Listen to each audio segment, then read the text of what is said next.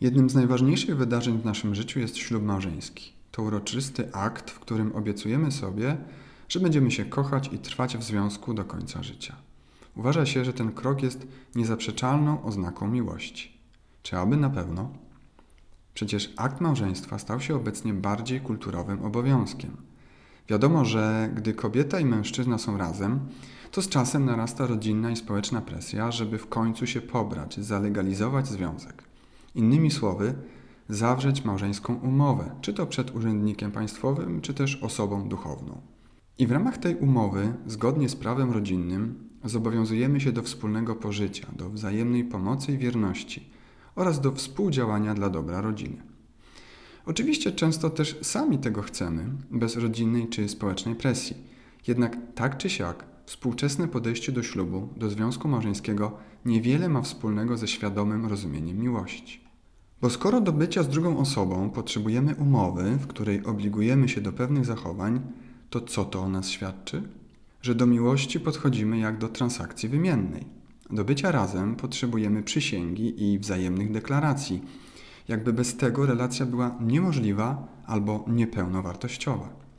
Niezbędna jest więc zewnętrzna motywacja, żeby w tym związku wytrwać, bo najwidoczniej sami z siebie tego nie potrafimy.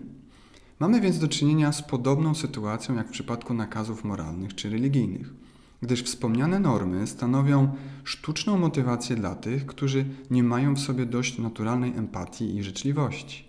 Taki kij i marchewka, żeby być dobrym dla innych. Podobnie więc jest z aktem małżeństwa. Jest nam potrzebny, jest swego rodzaju moralnym dopingiem do trwania w związku, gdyż wewnętrzna motywacja, jak widać, nie wystarczy. Okazuje się więc, że bycie w intymnej relacji stało się wręcz moralnym nakazem, a nie tylko naturalną potrzebą. Podłożem takiego podejścia jest nieufność do własnej natury, która w naszym mniemaniu wymaga ciągłego kontrolowania i motywowania do tego, co uznajemy za słuszne. Akt małżeństwa ma również lękowe podłoże. Jest bowiem przejawem potrzeby zamknięcia miłości w ramy.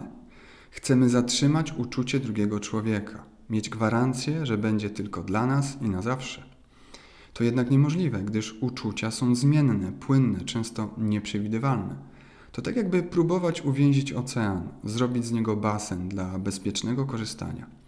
To się nie może udać. Dlatego akt ślubu jest bardziej wyrazem lęku przed tym, co zmienne i nieprzewidywalne. Jest nieudolną próbą stworzenia bezpiecznych warunków w nieprzewidywalnym życiu. Wspomniany lęk wiąże się zwykle z niezaspokojonymi potrzebami z dzieciństwa, w tym też z potrzebą podtrzymania najważniejszej relacji, za którą tęsknimy.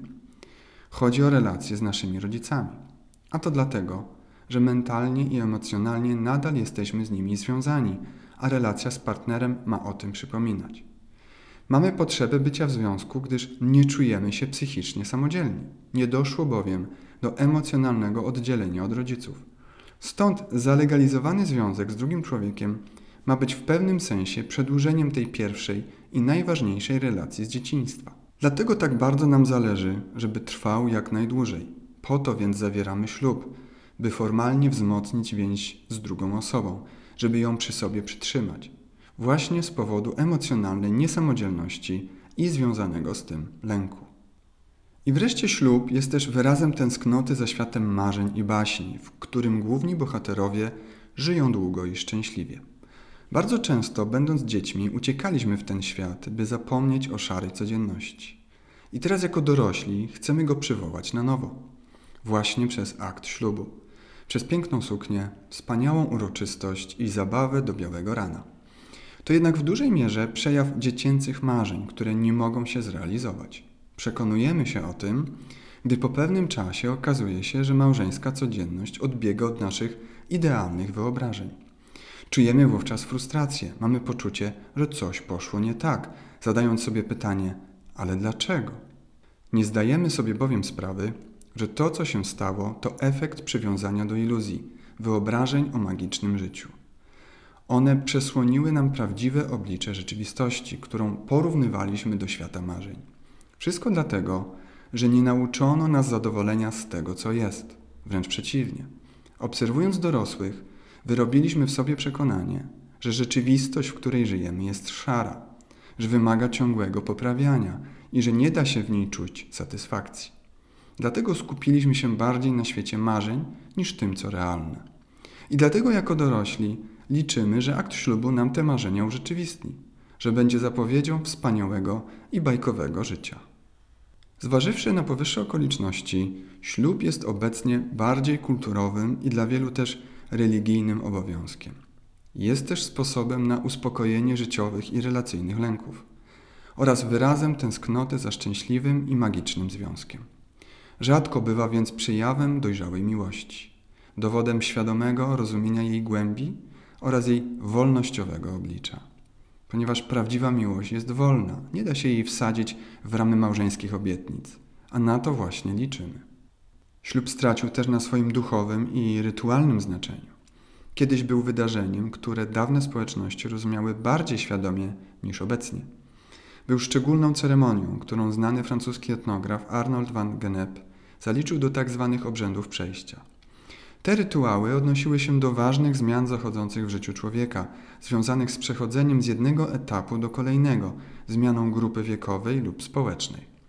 Ślub traktowano więc jako jedno z przełomowych momentów życia, potwierdzających osiągnięcie nowego poziomu dojrzałości, zarówno w wymiarze ludzkim, jak i duchowym.